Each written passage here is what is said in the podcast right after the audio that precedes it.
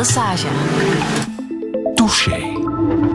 Touché vandaag met Matteo Simoni. Goedemorgen. Goedemorgen. Je bent uh, alomtegenwoordig hè? in uh, heel veel reeksen te zien uh, op streams. Cold Courage, natuurlijk de bende van Jan de Lichte, waar jij de hoofdrol speelt. Mm -hmm. Ook in film ben je te zien, The Racer, waar je naast Louis Talpe speelt. Het lijkt een heel druk jaar, terwijl je helemaal niet zoveel hebt kunnen werken. Hè? Nee, klopt. Uh, ja, Jan de Lichter dat is zelfs al, uh, ik denk, vier jaar, bijna vijf jaar geleden opgenomen. En hij komt dan nu ineens uh, naar boven. Dus dat lijkt dan ineens dat ik superveel gedaan heb. ik heb gewoon rustig doorgewerkt. Maar ik ben zeer blij hoor, met al die, al die projecten. Ik ben zeer, zeer fier en ja, zeer blij. Van de week had ook de film Rookie in première moeten gaan. Ook Mhm. dat is uitgesteld. Ja, klopt. En je bent ondertussen wel aan het repeteren. Uh, ik ben nu aan het repeteren met Bergman terug. Uh, FC Bergman, een nieuwe voorstelling, de Sheep Song. Het voelt een beetje als, uh, als thuiskomen. het, is, het is zeer leuk om, om Stef, Marie, Thomas en Joey terug in het werk te zien. En, en daar als acteur in te springen. En mee te duiken in een wondere poëtische wereld. Die ze wel echt goed weten aan te voelen. Ah, en dat lukt met de coronaregels? Ja, dat is, met, dat is met mondmaskertjes. en er wordt ook wel af en toe getest. Maar dat is natuurlijk ja, met techniekers op zijn heel veel afstand houden. Uh, maar van het mogelijke zo goed mogelijk uh, respecteren. Um, voilà. En, en u aan de regels houden buiten de repetities. Um, ja. uh... Hoe zou jij jezelf omschrijven, Matteo? Um, hoe ik mezelf zou omschrijven als uh, een enthousiast iemand, een positief iemand, iemand met een, uh, een groot relativeringsvermogen, uh, een doorzetter, denk ik. Soms een flauw plezante. en iemand die, denk ik, ook al empathisch is. Allemaal eigenschappen die bijzonder belangrijk zijn. Hè? Tjum, maar precies alleen maar goede dingen gezegd. Ook slechte dingen. Maar bon, misschien moet jij die of iemand anders je, maar nee, zeggen. die mag je ook zeggen. nee, uh, uh, ik ben misschien uh, soms een beetje te narcistisch. Um, maar natuurlijk niet groot. Maar soms vind ik het tof dat, het, dat, het, dat ik met mezelf kan bezig zijn. Maar ik bedoel dat niet altijd negatief. Maar misschien komt dat soms wel zo over. voilà. Dat is het. Nee, er zijn nog wel dingen. maar daar kom ik nu niet op. Je bent ook bang van honden, las ik ergens. Niet Amai. dat het zo negatief is, maar Nee, het ik ben bang van honden. En het ding is, is dat er nu bij die FC Bergman voorstelling, uh, zonder veel te verklappen, zit er dus, zijn er twee scènes met een hond. Een echte? Een echte hond. En daar wordt mee gerepeteerd, gelukkig niet uh, met mij. Ik zit niet in die scène. En dat is een hond die, uh, die dan vrij agressief moet blaffen op de persoon, op Jonas Vermeulen, die dan op de grond ligt. En ik heb echt al tien keer gezegd van, ben ik blij dat, uh, dat ik dat niet ben. Ja. Maar toch, als, ooit... acteur, als acteur uh, heb je toch al eens een scène met een, met een hond? Nee, nee tot nu toe nog niet. Maar, maar Robin Pront, die, uh, uh, waar ik in de Zillen mee werk, heeft, heeft al tien scènes bedacht waarin dan Dennis Blackmagic eventueel toch zou worden aangevallen door een hond. Alleen maar, alleen maar om mij een beetje een kloot af te draaien, denk ik. Ja, want dat zijn de opnames die je normaal had gedaan dit jaar. Hè? De opnames ja. voor Zillion, waar je inderdaad Dennis Blackmagic zou gaan spelen. Ja, klopt. Daar was je helemaal klaar voor, hè? Ja, het ding is bij... was, was half maart. Ja, de, de, de lockdown is aangekondigd de vrijdag. En we begonnen echt die maandag erop te filmen. Um, we hadden eigenlijk cameratesten gedaan. Ik was, uh, ik was 10 kilo vermagerd. Uh, wat niet evident was, dat was super heftig. Uh, omdat mijn kindje ook net geboren was. Dus tijdens die slapeloze nachten naar chips grijpen, naar chocolade grijpen, kon niet. Maar ik heb me eraan gehouden. Dus ik was er helemaal klaar voor om in die rol van uh, Black Magic te duiken. Tot dan het verdikt kwam van we gaan niet, uh, we gaan niet draaien. Heel de wereld ligt stil. En dan heb ik een, uh, een chocoladeverslaving uh, opge, opgelopen. Dat was echt niet normaal. Dus ik had mij drie maanden ontzien van ja. alle snoepgoed van zoetigheid. En de reactie dat ik had, mentaal en fysiek, op, op, op snoep die maanden tijdens corona, dat was echt waanzin. Betekent, als je dan toch gaat draaien, want de film wordt wel gedraaid, gewoon mm -hmm. op een later Hopelijk datum, deze zomer. Dat je ja. opnieuw drie maanden ja. moet vasten. Ja, en deze keer is het dan... Uh, hoe de planning nu ligt, is het dat we, dat we juli, augustus, september gaan draaien. Dat is natuurlijk een, een richting. Dat proberen we. We zullen zien of dat, dat effectief zo gaat lukken. Uh, maar dan gaan we in de zomer moeten afvallen. En de vorige shoots stond gepland zo april, mei, juni. Dat was dan tof dat je na die shoot alles kon loslaten. De vakantie kon uh, vieren zoals je die moet vieren. Met, uh, met pintjes en met uh, veel snoep. Maar dus dat gaat nu niet zijn. Dus ik ga tijdens de vakantiemaanden mij moeten inhouden. Uh, Maar bon, het zal zo zijn. Alles dat is het leven van een acteur. Ja, en, je, en ik vind dat ook niet erg. Ik ga er ook voor één keer als je in die vibe zit, als je in die flow zit, als je verslaafd geraakt bent aan de voorbereiding van een rol, wat het toch vaak is, vind ik, of wat het moet zijn, dan, uh, dan gaat je ervoor. En dan, dan vind ik dat ook helemaal niet erg om uh, op mijn tanden te moeten bijten, voor eender wat. Wat je ook hebt gedaan het afgelopen jaar, is toeristen gelokt naar Limburg, hè? ja. ja. ik hoop dat dat gelukt is. Ik denk dat dat gelukt is. Ja? Ja, ja. Ik, vond, ik was daar... Uh, dat was eigenlijk... Het, het, zit zo dat Limburg dus die vraag had gesteld. Um, en ik had net Rookie uh, gemaakt met Lieve van Balen. En eigenlijk de regisseur van de Limburg Spot uh, is ook de regisseur van Rookie. Dus ik heb eigenlijk gevraagd aan Limburg of ik hem mocht meenemen. En we hebben dat eigenlijk samen bedacht. Um, en dat voelde ook als, uh, als thuiskomen nog altijd. Ik woon in Antwerpen, ben afkomstig uit Limburg. Maar naar daar gaan is altijd een, uh, een, uh, een feest en voel ik me altijd terug, terug jong. En, en dat is heel nostalgisch voor me. Ah, Matteo Simoni, welkom in Touché. Radio 1. 1. Friedel Lassage. Touché.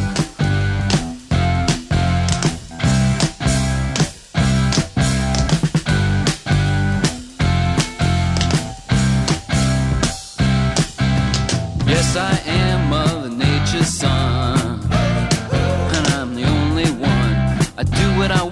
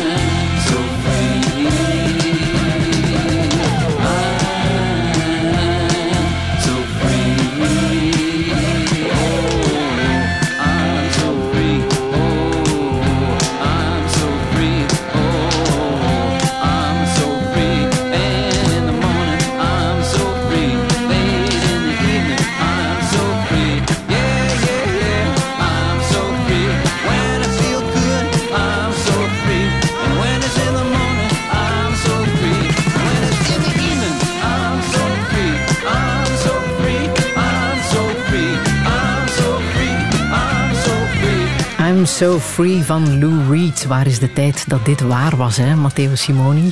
Goh. I'm So Free, die vrijheid die we hebben moeten afgeven het voorbije jaar. Heb je er last van gehad?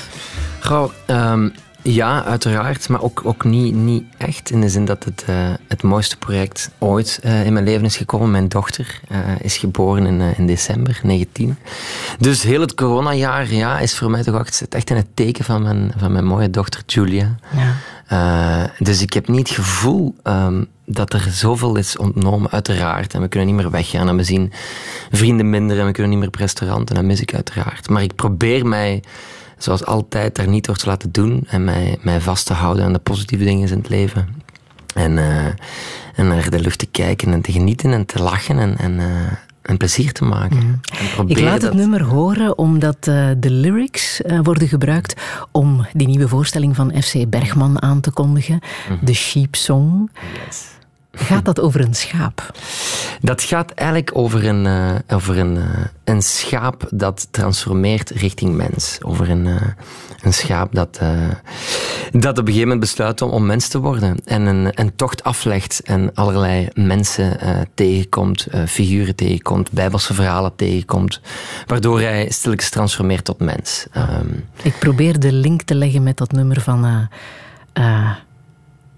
dat we zo net hebben gehoord van Lou Reed, I'm So Free. Ja, ja het, is, het is sowieso een metafoor. Daarvoor zijn we ook voor op zoek naar vrijheid. Op zoek naar, eh, naar je kunnen losrukken van waar je in zit. eh, waar je misschien in vastgeroest bent. Ehm, dus de, de, de, de, eh, de makers, en dan heb ik het over Stef, Marie en Thomas en Joey, zijn daar, zijn daar iedere nacht mee bezig. En het is heel fijn om, om, om terug te komen. Het is echt, echt een beetje thuiskomen bij FC Bergman. Ik ben daar een tijdje niet bij geweest. Je hebt het samen af- opgericht, hè? Jullie zijn mee. ja, ja dat Samen was een, eh, een bijzondere, bijzondere tijd in mijn leven eigenlijk, FC Bergman. We zijn, we zijn afgestudeerd samen op school.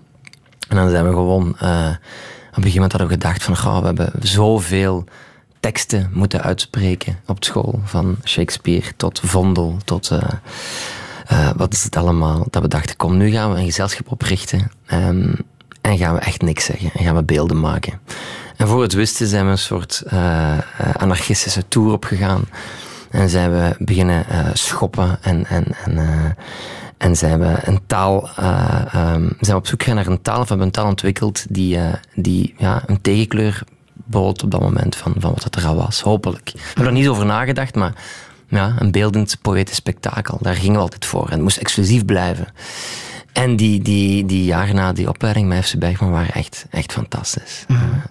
Je hebt eh, dat ploegje verlaten, eh, Mhm. tenminste, eh, om niet meer elke dag met FC Bergman bezig te zijn, omdat Mhm. je heel veel filmaanbiedingen kreeg, natuurlijk. Hè?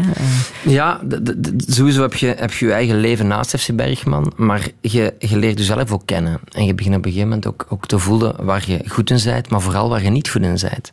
En, en ik voelde heel snel dat ik binnen dat gezelschap, binnen die energie, dat ik eh, niet echt een maker was. Of ik mijn ambities lagen niet zozeer in, in het maken van die voorstellingen, wel in het spelen. Ik was opgeleid als acteur en ik wou dus spelen. En ik... eh, en dat, en dat was vaak het, het gesprek. En dan, en dan kom je in, in, in gesprekken à la engagementen naar het gezelschap toe. En, en het was vrij helder van, ja, Matteo, na tien jaar was dat, was dat goed. En ik wil liever jullie in jullie ogen kijken als vrienden en zeggen, ik wil hier alleen maar aan meedoen als ik, als ik echt zin heb. En wanneer jullie zin hebben, dat dat, dat met mij is.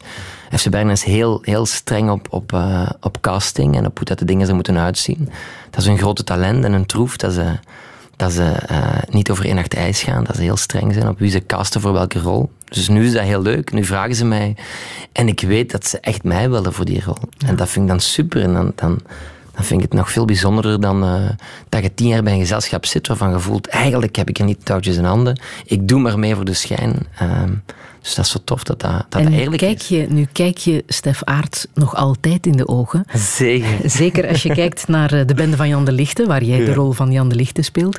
Ja. dan is hij jouw tegenspeler. Hè? Ja, ja. Eh, ondertussen al tegenspeler, een, eh, maar vooral ook een van mijn beste vrienden, laat dat duidelijk zijn. Stef is, een, eh, is iemand die, die mij de dag van vandaag nog altijd inspireert. Eh, eh, Maar hoe was dat om dan op die set te staan in lompen met zwarte vegen op jullie gezicht, lang haar, helemaal verwilderd? Want eh, we spreken over 1750 ongeveer, hè, die periode. Dat was vooral heel, heel lang eh, en traag acclimatiseren eigenlijk. Ik denk dat wij pas na een week of twee echt eh, zijn gestopt, gestopt met, met lachen tijdens takes. Omdat het is niet, je gelooft het niet waar je in terecht komt, inderdaad, gelijk je zelf zegt. Want wat Bot wist een jij over Jan de Lichte toen ze jou vroegen? Oh, ik wist dat dat een, eh, een, eh, eh, een eh, vrijheidsstrijder was. Ik, hij is ook in het, in het echte leven was hij veel gruwelijker, veel donkerder dan, dan hoe wij hem hebben eh, getoond in de reeks. Omdat we toch een bredere serie maken voor een groot publiek. Hebben we hem iets minder eh, eh, gewelddadig gemaakt, denk ik. Hij heeft nog een donkere kant en heeft nog veel geheimen die hij meedraagt. Maar eh, ja, wat wist ik? Je, je begint te lezen, je leest het boek van Uppel Boon, eh, je praat met regisseurs, je, je probeert je te verdiepen in die rol, maar op het moment zelf laat je je toch leiden door die tekst, door die regisseur en, en, en heel de wereld die rondom u is gebouwd.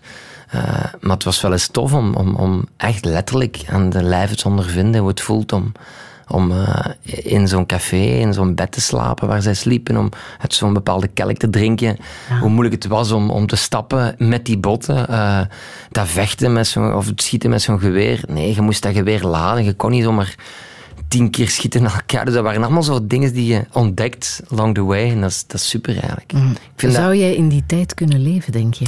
Ehm, ja, ja, misschien wel. Ik ben, ik ben, ik ben sowieso een reiziger. Hè. Ik reis super graag. Ik ben na mijn humaniora ook zeer snel alleen op reis gegaan. Ik ben naar Australië getrokken voor twee maanden. En dat reizen heeft zich in mijn leven wel doorgezet. Ehm, en ik ben ook monitor geweest van een kamp. Allee, waarom vertel ik dit allemaal? Ik ben wel... eh, ik, ik hou er wel van om, om eh, on the road te zijn. eh, en om weg te zijn. En om dingen te ontdekken. Ondertussen heb ik de kans gehad dat ik veel mocht reizen. Dus heb ik ook al veel gezien. En ben ik ook al graag thuis. Maar het is toch belangrijk dat je af en toe je vleugels spreidt en weer eh Maar verdwijnt. die de kloof in. tussen arm en rijk was toch ook wel gigantisch, hè? Ja. Toen. Ja, klopt. Ja, ja de, de, maar de, de samenhorigheid ehm, dat, dat de armoede toen met zich teweegbracht was wel, was wel heel schoon. Of dat vond ik wel de kracht van, eh, van die bende van Jan de Lichte. Dus je hebt de bossen waar, waar inderdaad de, de, de, de mensen in een erbarmelijke toestanden leven. En die dan samen met ene figuur, met ene Vlaamse Che Guevara, Jan de Lichte, waar ze naar opkijken. Allemaal als in een blok, als in een front achter hem staan en vechten tegen die, tegen die hypocrisie en tegen die politiek. En dat, dat vond ik wel schoon. Ja. Dat ze bij jou terechtkomen als ze een leidersfiguur zoeken. Ja, dat, dat heb ik me ook al een tijdje afgevraagd waarom dat, dat is. Ja? Ik weet het niet. Het ding is zo dat dat project ooit wel in, in leven is geroepen. Dat heeft heel veel trajecten gekend. Ik denk zelfs dat Philippe Peters ooit de rechten van het boek heeft gekocht en heeft dat bij een bepaalde producent gelegen. En dan zijn Tim Milans, eh, regisseur Tim Milans en ik, zijn daar samen over beginnen babbelen. Eh, en dan zijn wij eigenlijk dat project samen gaan, eh, gaan pitchen bij VTM. Van mogen wij dit nu doen? En dan... ja, dan ging ik er zelf een beetje van uit dat ik die rol ging spelen. Ah, ja? Dat is wel vaker zo geweest. Zit, er ook, zit er ook echt een leidersfiguur in jou? Ehm, ja, maar ik ben niet, niet de leider met, ehm, met, met een soort een dominante kant, dat niet. Maar ik denk wel dat ik psychologisch wel mensen tot een bepaald punt kan leiden. Ehm, maar dan zal dat altijd met, met humor en met veel enthousiasme zijn. En niet vanuit een bepaalde dictatuur of niet vanuit een strengheid. Maar ik, ik eh, zoals ik daar net zei, ik ben lang monitor geweest op kamp vroeger in Derby. Eh, in La Petite Merveille, ook wonderlijke jaren. Eh, ik was er dan zelf als kind, ging naar die kampen, maar dan werd ik zelf leider. En dan had ik toch het gevoel dat ik die, die bende kinderen wel echt onder controle had. En dat die enorm met mij konden eh, spelen en lachen, maar dat die ook wel echt stil waren wanneer ik wou dat ze stil waren. En dat ze sliepen wanneer ik zei dat ze moesten gaan slapen. Maar ook als een rol eh, heel erg eh, bijzonder is, zoals bijvoorbeeld Dennis Blackmagic, eh, ook dan komen ze bij jou terecht. Maar ook dat, dat is, dat is echt stom. Maar ooit heb ik in een krantenartikel gezegd dat ik heel graag de rol van Dennis Black Magic zou spelen. Eh, en dat krantartikel had dan, dan eh, eh, Jan Verrij, Robin Pront een keer gelezen. En die ging dan allemaal iets maken rond Dance Back Magic. Dan is er een vergadering geweest van oké, hoe gaat dit project en wie gaat dat doen? En dan is er eigenlijk beslist, eh, en gezamenlijk van verschillende regisseurs, van oké, Robin Pront gaat iets doen met Dance Black Magic, maar gaat dat natuurlijk koppelen aan de wereld van Zillion. Want de Zillion, voor alle duidelijkheid, gaat over Frank Verstraeten en over eh, ja, de, de, de, de seute computernerd dat hij was tot, tot grote eh uh, Zillion-uitbater met alle uh, perikelen van dien. Um, En Dennis is daar een onderdeel van, een heel belangrijke schakel. Um, en dus het feit dat ik dat, in de krant had gezegd, is eigenlijk die rol zo tot bij mij gekomen. Ik heb nooit een telefoon gekregen van Robin, die zei van, wilt je Dance Back Magic spelen? En dat was ook bij Jan de Lichten niet zo. dus ik heb precies altijd die rollen zelf wat opgeëist. Um, maar hoeveel ervaring heb jij in het pornocircuit? Ik heb natuurlijk met Jan Elen bij Cowboys opgenomen. Ja. Dus, uh, ja. dus wij waren wel al uh, uh, fameus in de research gegaan. dus ik had, ik had op een bepaalde manier al ervaring, ik zal het zo zeggen. Ja, natuurlijk, die pornowereld is mij vreemd. Maar je hebt er wel de, de, de, de fantasie voor om je in te, in te beelden wat dat is. Maar, maar, is hij echt zo vreemd? Want ik vond een uitspraak van jou terug. Ja, oei, oei, oei. Twee jaar geleden hier op Radio 1. Toen heb je gezegd: Ik heb ooit een seksprogramma gepresenteerd toen ik 18 jaar was. Hm. Dat heette 100 hete vragen. Ik vraag me nog altijd af waarom ik dat heb gedaan. Dat Ah, heb je toen ook gezegd. Ik dacht dat het een serieus programma was. ik, vond, ik was natuurlijk meteen nieuwsgierig. Ja, ik weet niet. Ik zal u zo zeggen waarom ik dat ooit gedaan heb. Ik, toen ik eh, pas begon in, eh, in Limburg, ben ik ooit begonnen bij TV Limburg aan mijn eh, televisiecarrière, ben ik begonnen als presentator. En het heeft mij een aantal jaren geduurd tegen dat ik doorhad van nee, ik ben, ik ben geen presentator, ik wil acteur zijn, ik wil me daarin verdiepen.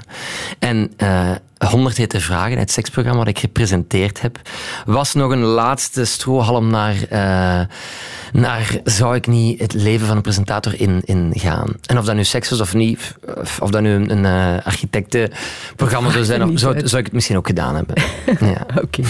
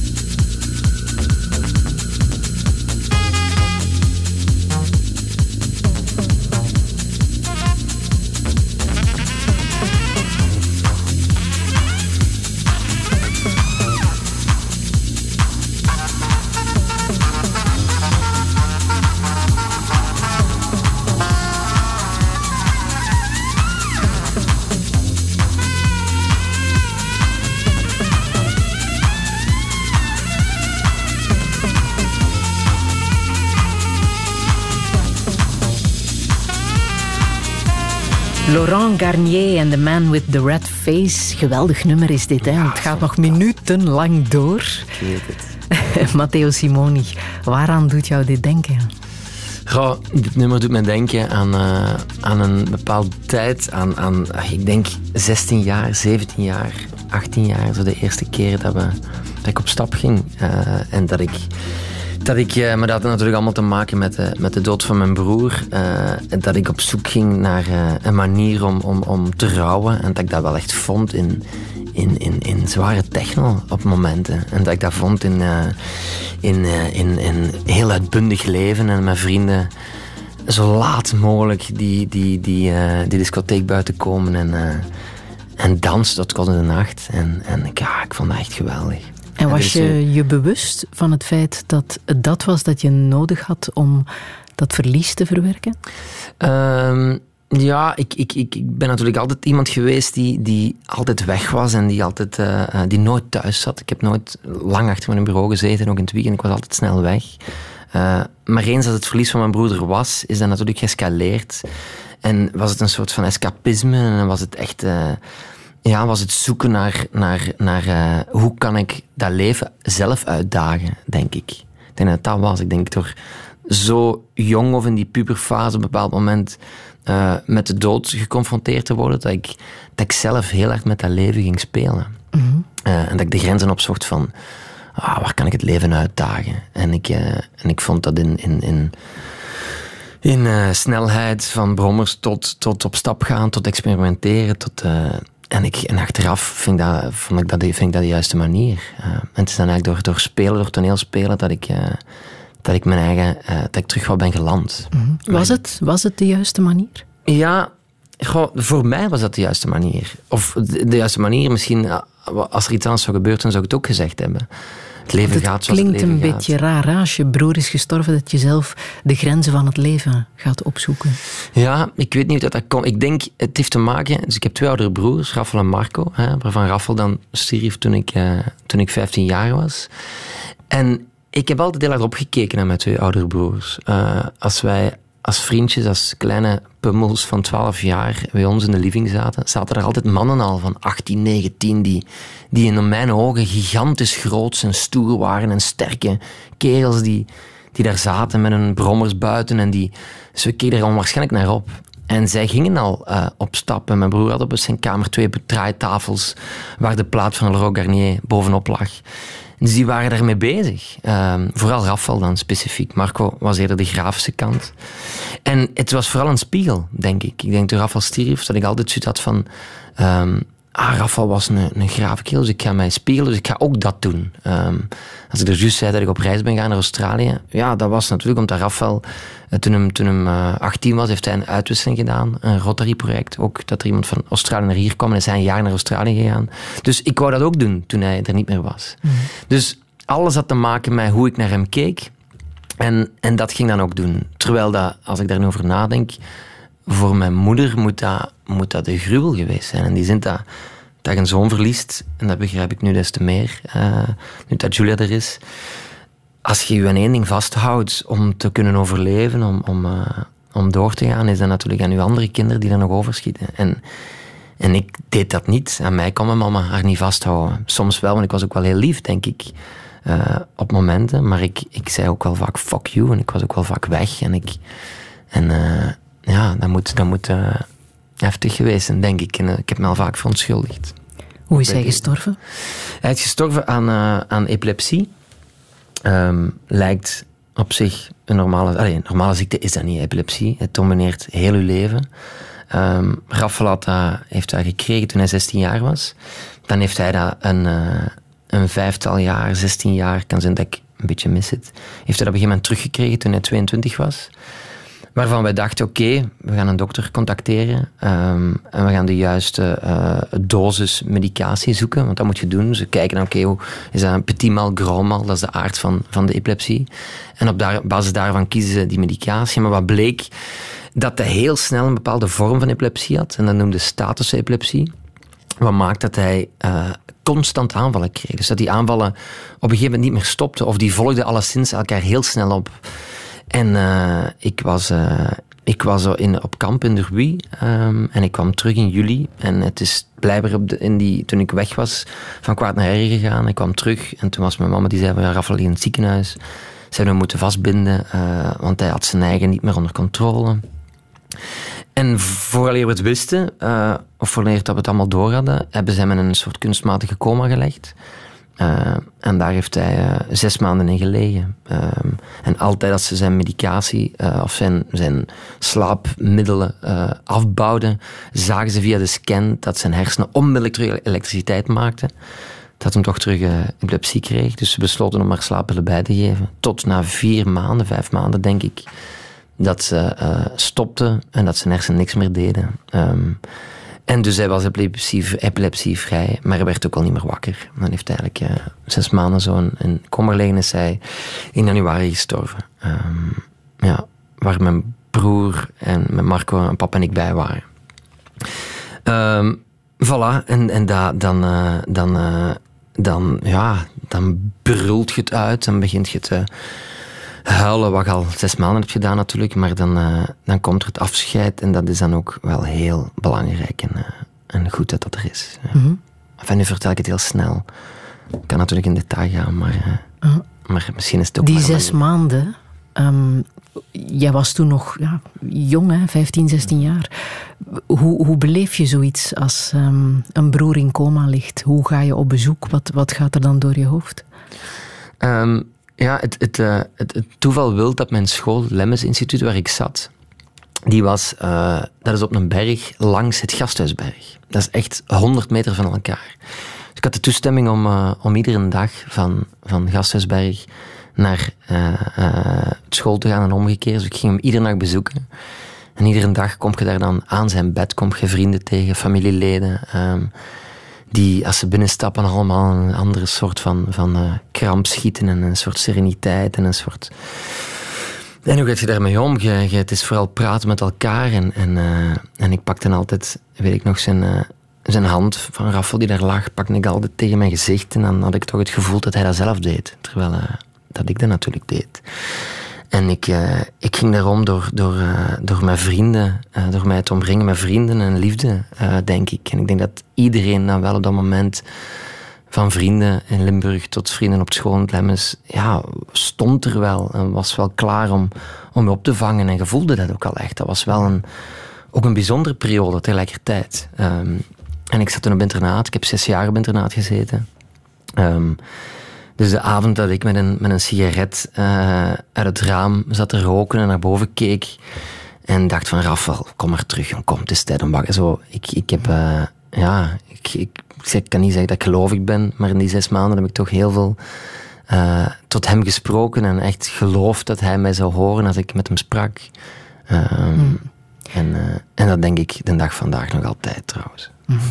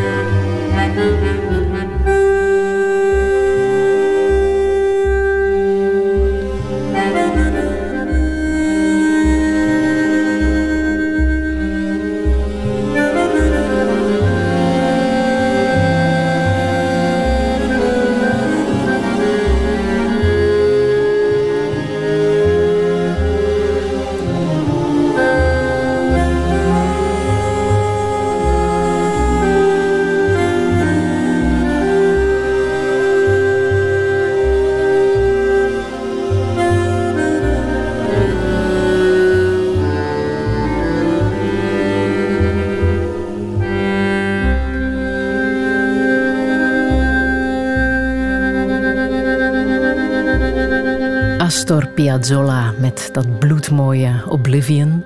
Matteo Simoni. Het is om vele redenen ah, bijzonder, hè, dit stukje muziek. Dat is zo een schoon nummer.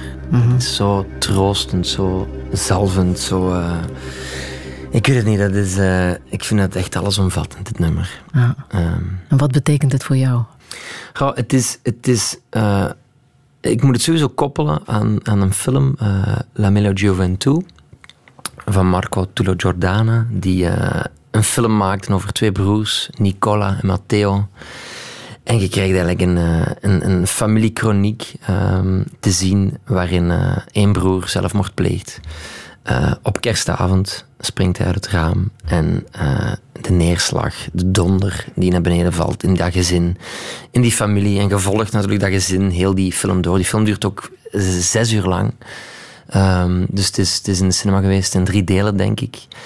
En die, die reeks is, is, of die film is voor mij echt allesomvattend. Daar zit, zit alles in waar een, een familie voor staat. Van opkijken tot ontgroeien, tot ontdekken, tot eh, eh, de mildheid voor elkaar, tot, tot, eh, tot ja, zijn wie we zijn binnen een gezin en daar moeten we mee leren omgaan.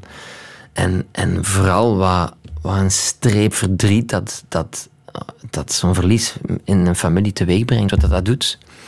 En hoe je, hoe elkaar erdoor sleurt. En het zotte is dat die, dat die serie, ehm, dat een van mijn favoriete films was.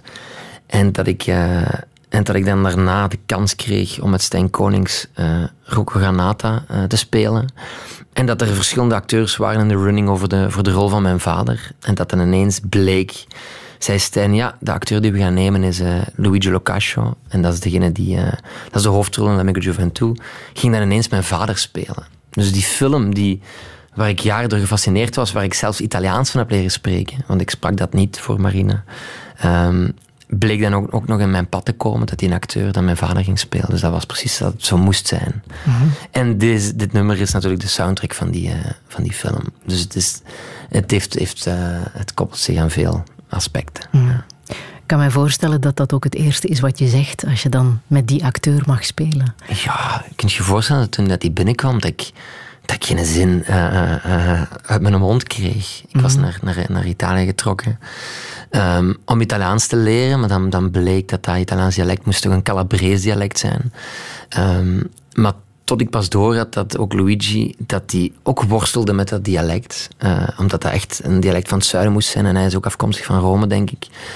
Op een gegeven moment had ik dat door van, oh zot, hij, hij is ook onzeker. Hij is, eh, toen is er toch iets van me afgevallen. Dan ben ik echt met plezier beginnen spelen. Ja, daar heb je hard voor gewerkt, hè, voor die film. Maar ja, ja, het moest ook- wel. Ja? Als ik mijn eigen niet belachelijk wou maken, moest ik keihard werken. Ja, je werd je heel erg bewust van welke opdracht dat je daar kreeg als acteur. Zo'n Mhm. prachtige hoofdrol in je schoot geworpen krijgen. Maar dan moet je het ook nog doen, hè. Moet het ook nog... Ja, dat was het. En ik, ik, ik weet, Stijn Konings had... eh, er was een artikel in de krant waar dan stond dat ze audities gingen doen voor de rol van Rocco Granata. Waar ik natuurlijk keihard zin in had. Dus ik belde Stijn op. Die ik al had ontmoet via, via eh, een Dag Sinterklaas aflevering.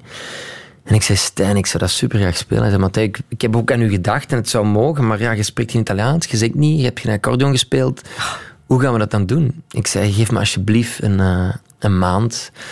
En ik ga echt, echt een maand naar Italië en ik ga, ik ga een auditie doen in het Italiaans. Dan ben ik naar daar gegaan. Dan heb ik eh, de Italiaan uitgehangen. En, eh, een maand lang heb ik me op het strand gezet met een splits. Maar ben ik tegelijkertijd, voor de duidelijkheid, wel naar school gegaan. Ik ben naar, naar een soort universiteit gegaan daar.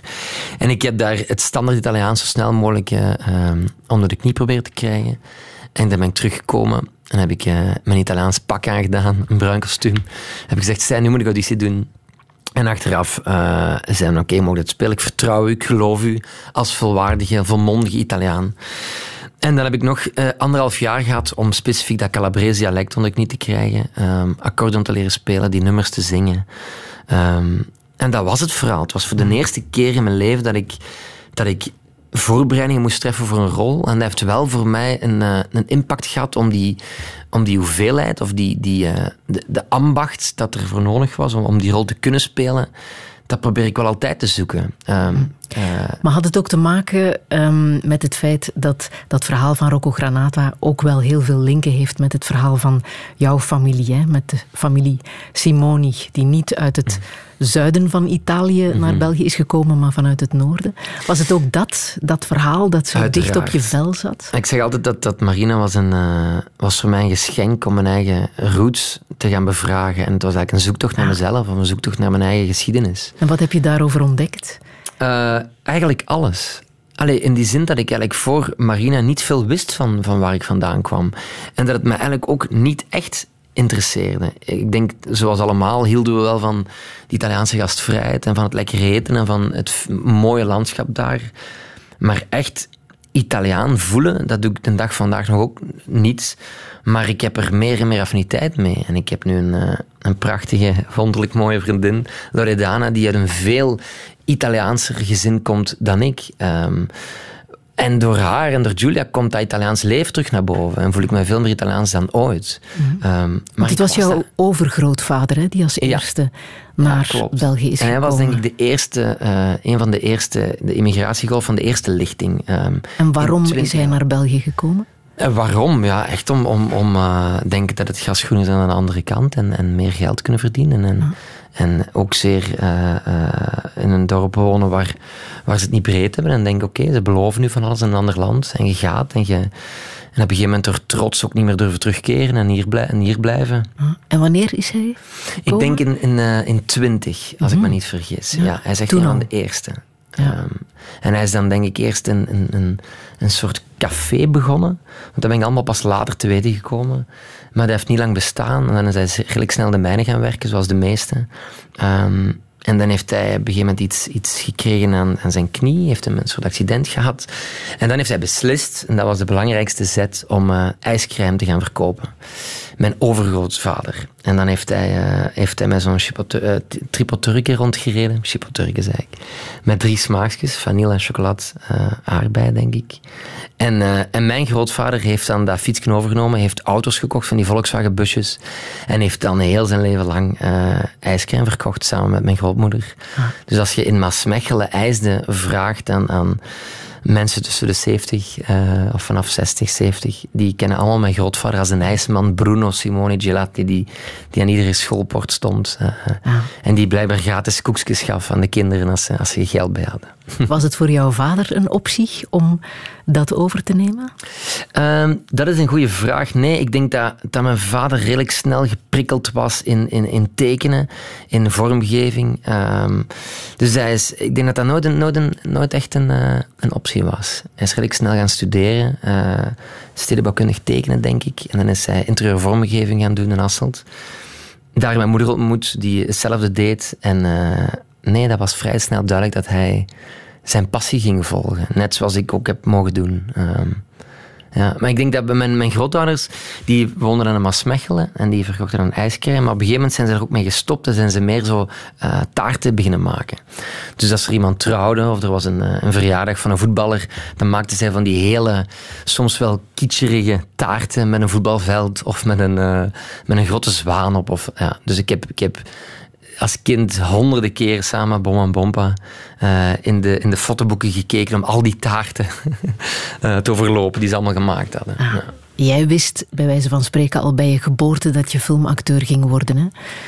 Goh, Want ik- Mm. jij lag als baby, lag jij al ergens in een wiegje in de film Boerenpsalm van Ja. Roland Verhavert. Ik lag niet in een wieg, ik lag in de, in de handen van Christel Dome. Lag Ah, ik. ja. ja eh, en het, maar dat is, ja, ik wist het natuurlijk nog niet als kind, voor alle duidelijkheid. Ik denk dat ik echt maar zes maanden of zo was.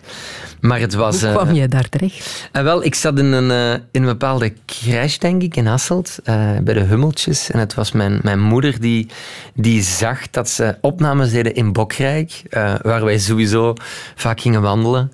En dat ze opnames deden dat bepaald weekend en dat je kon inschrijven. En mijn mama dacht, aangezien daar toch ga wandelen, zal ik die kleine hier eens inschrijven. En nu, jaren later, heb ik dat dus kunnen toevoegen aan mijn eh, IMDb-pagina. Het is een mooi Dus verhaal, hè? Eerste rol, een eh, pasgeboren baby in een boer op Salm.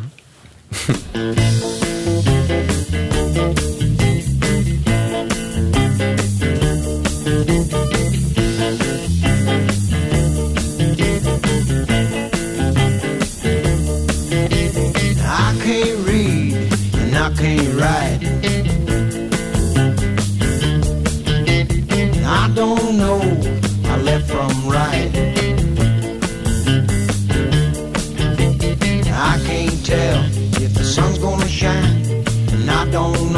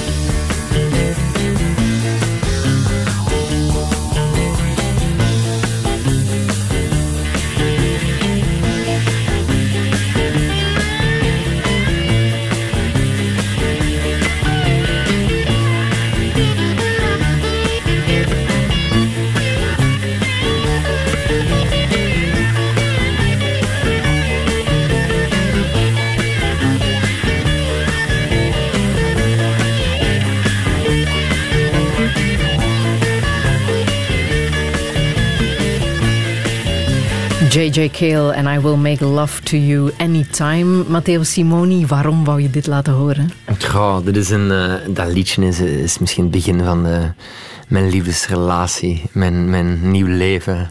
Ja. Mijn vriendin Loredana. Ik denk toen wij pas samen waren eh, en onze eerste reis stond dit nummer in de auto heel een tijd op. Toen wij, eh, we zijn naar Hawaii gegaan. Dus we hadden allebei een droom van, eh, oh ik wil eens naar Hawaii. En ik denk onze eerste reis na drie, vier maanden samen zijn we naar Hawaii gevlogen. Hebben wij een jeep gehuurd en hebben wij die eilandjes afgereden. En met de surfplank van achter. eh, een goede koude koffie in de hand. En zo zijn we de eiland rondgetrokken met J.J. Cale op de achtergrond. Die surfplank is denk ik geen onbelangrijk detail in dit Die verhaal. surfplank domineert heel vaak heel veel. Ja. Hoe ver gaat dat, jouw liefde voor het surfen? Hoe ver gaat het dat ik soms eh, discussies Hawaii heb ga? met mijn lieve? Ja, waar, we heen, waar we heen gaan of waar we op reis gaan is vaak heel hard bepalend waar de golven zijn Ja. of waar dat de swel is. En af en toe beloof ik dan wel, schat, volgende reis zal niet met surfen te maken hebben, zal ik die plank thuis laten, maar dan blijkt dat die volgende reis toch naar een nieuwe surfspot is. Ehm, Nee, dat is, dat is heel belangrijk voor mij, maar dat is, dat is iets wat ook ontstaan is eh, door, door te reizen en door te voelen dat, dat ik in het water op mijn surfplank ehm, helemaal tot rust kom en dat ik daar iets meditatief in zie. ehm, en dat, het, dat, dat er niks schoners is. ehm, of op vlak van sport dan, om in het water te liggen en, en zorgen dat je één bent met de natuur.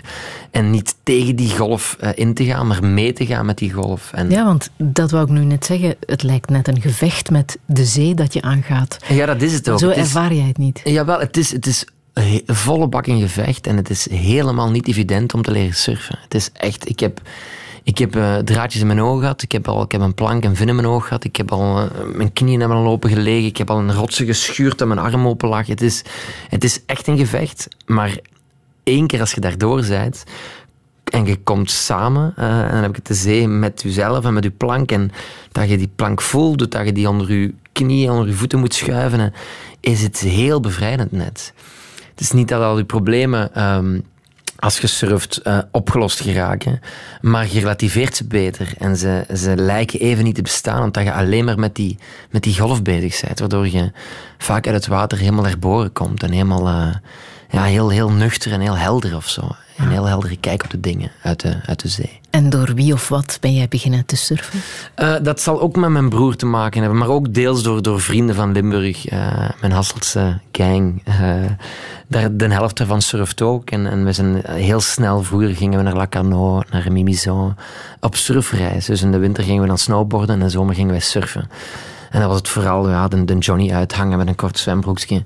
En dan met dat plankje naar het water lopen. Maar ik denk het eerste reisje was dat eerder bodyboarden. Dat was gemakkelijk, dat kon iedereen. Maar dan hadden we door dat dat niet echt cool was. En dan zijn we maar eh, beginnen surfen. En wat is de beste surfplek ter wereld tot nog toe die je Ehm, hebt ja, ik- ervaren? De beste plek, goh, er is een, eh, in LA, als je richting Malibu rijdt, is er een plek, Ventura heet dat. En daar heb ik, allee, de beste, er zijn heel veel goede plekken, maar daar herinner ik mij dat ik denk ik de mooiste golf van mijn leven heb genomen. Ah, ja? Eh, lang, groot, eh, die adrenaline geeft en die toch heel smooth ging. Eh, maar of dat nu de beste plek is, goh, Portugal is fantastisch om te surfen. En daar heb je voor elk wat wils. Dus soms, als je, als je een paar maanden niet hebt gesurfd en je wilt terug beginnen, dan is het belangrijk dat die eerste dagen die golven niet te groot zijn. Dat je even terug één kunt worden met je plank. Ehm, en dan na dag vier mogen die, mag die swell komen en mogen die golven groter worden. Eh, Maar het is een sport die je niet elke dag kan oefenen. Hè? Nee, het is vooral een, een sport die niet heel veel, heel veel Belgen doen. Allee, we hebben, we hebben, aan onze kust hebben we eigenlijk eh, zelden goede golven. Eh, ik ben nu een paar maanden geleden was naar Oostende, Oostende gegaan, daar in Fort Napoleon. En wonder boven wonder was dat echt heel groot, maar er lag dan ook wel heel veel eh, het water. En was dat water ook wel ijskoud. En ik vind dat surfen heeft voor mij toch altijd een soort vakantiesfeer. En als je dan toch in die Noordzee ligt met dat, met dat bruin water. En je kijkt zo naar een soort schimmige grijs landschap. Oh, dat, dat zegt me toch niet zoveel eigenlijk. Dus Waar wil gaat, als je terug kan, de volgende surfreis naartoe? Eh, dan wil ik sowieso naar Costa Rica. Eigenlijk moet ik dat zeggen. Eigenlijk is dat de beste plek ter wereld, Costa Rica. Maar ik wil dat niet te luid zeggen, want niet te veel mensen moeten er naartoe gaan. Jij wilt het strand nog altijd voor jou alleen. Ja, er liggen zoveel, zoveel eh, eh, mensen al in het water. Tegenwoordig is het echt een hype, hè. surfen. Ja. Het is echt een... eh, heel veel mensen doen het, heel veel mensen proberen het. Heb je daar een verklaring voor? Goh, niet, ja, dat, dat is een goede vraag. Het, lijkt mij gevaarlijk en het is toch alleenig. Hè? Het moeilijke is dat, dat er binnen de zee, het lijkt zo dat de zee van iedereen is, want dat krijg je vaak te horen. eh, maar er zijn ook regels. Eh, er zijn voorrangsregels in de zee. Ah ja? Degene die dichtst bij de punt is waar dat de golf breekt, heeft voorrang. En, enfin, ik heb honderden mensen tegen mij weten schreeuwen, maar qu'est-ce que tu fais, quoi? Qu'est-ce que tu fais? Of in het Duits, of in het Frans, of in het... eh, het- en en dat, je, je moet je daar wel aan respect aan houden, want een vin in je gezicht krijgen oh, is echt, echt wel niet, eh, niet van, de, van de poes. Ik heb nog een heel klein beetje filmmuziek uit Marina van Michel Bicelia. dat Oh, kan ik toch niet laten liggen. Hè? Ah, vind ik leuk.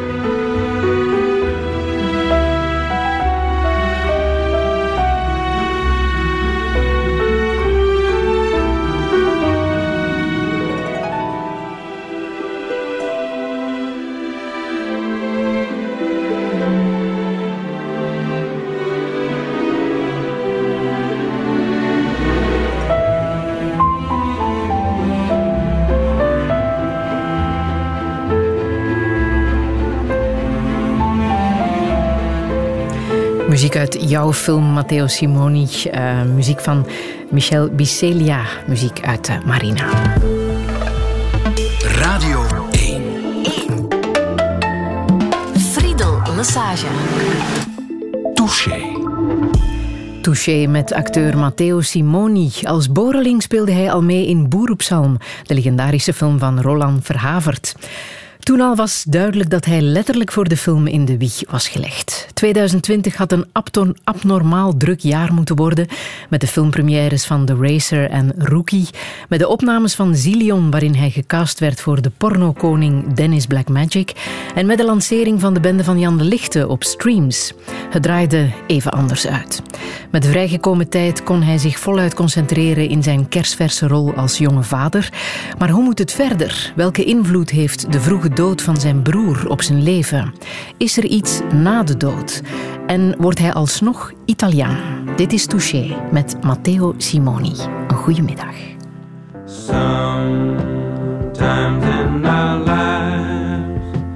We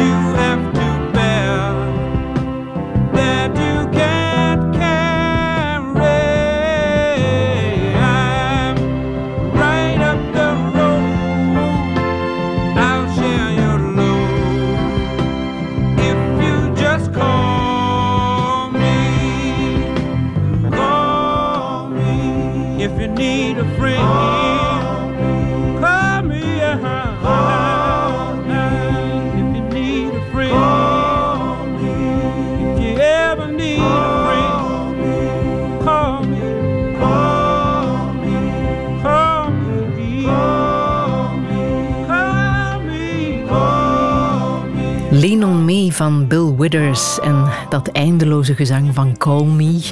Matteo Simoni, is het een boodschap voor jou of is het een boodschap die je zelf wil meegeven? Bel even. Eh, het is een boodschap voor, voor, voor, eh, voor de liefde en voor mensen van hoe belangrijk liefde is rondom eh, elkaar. En, en, en, en een schouder om op te huilen of, een, of, een, of iemand die dat er is om je verhalen te kunnen doen, is zo essentieel. Ja, het klinkt nummer- echt als een coronanummer, hè, dit. Ja, voilà, je mocht dat pakken als.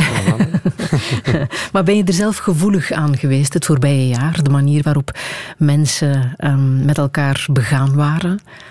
Eh, ja, daar ben ik vooral door ontroerd geraakt. Eh, door de samenhorigheid en door, door eh, het belang van, van er voor elkaar te zijn.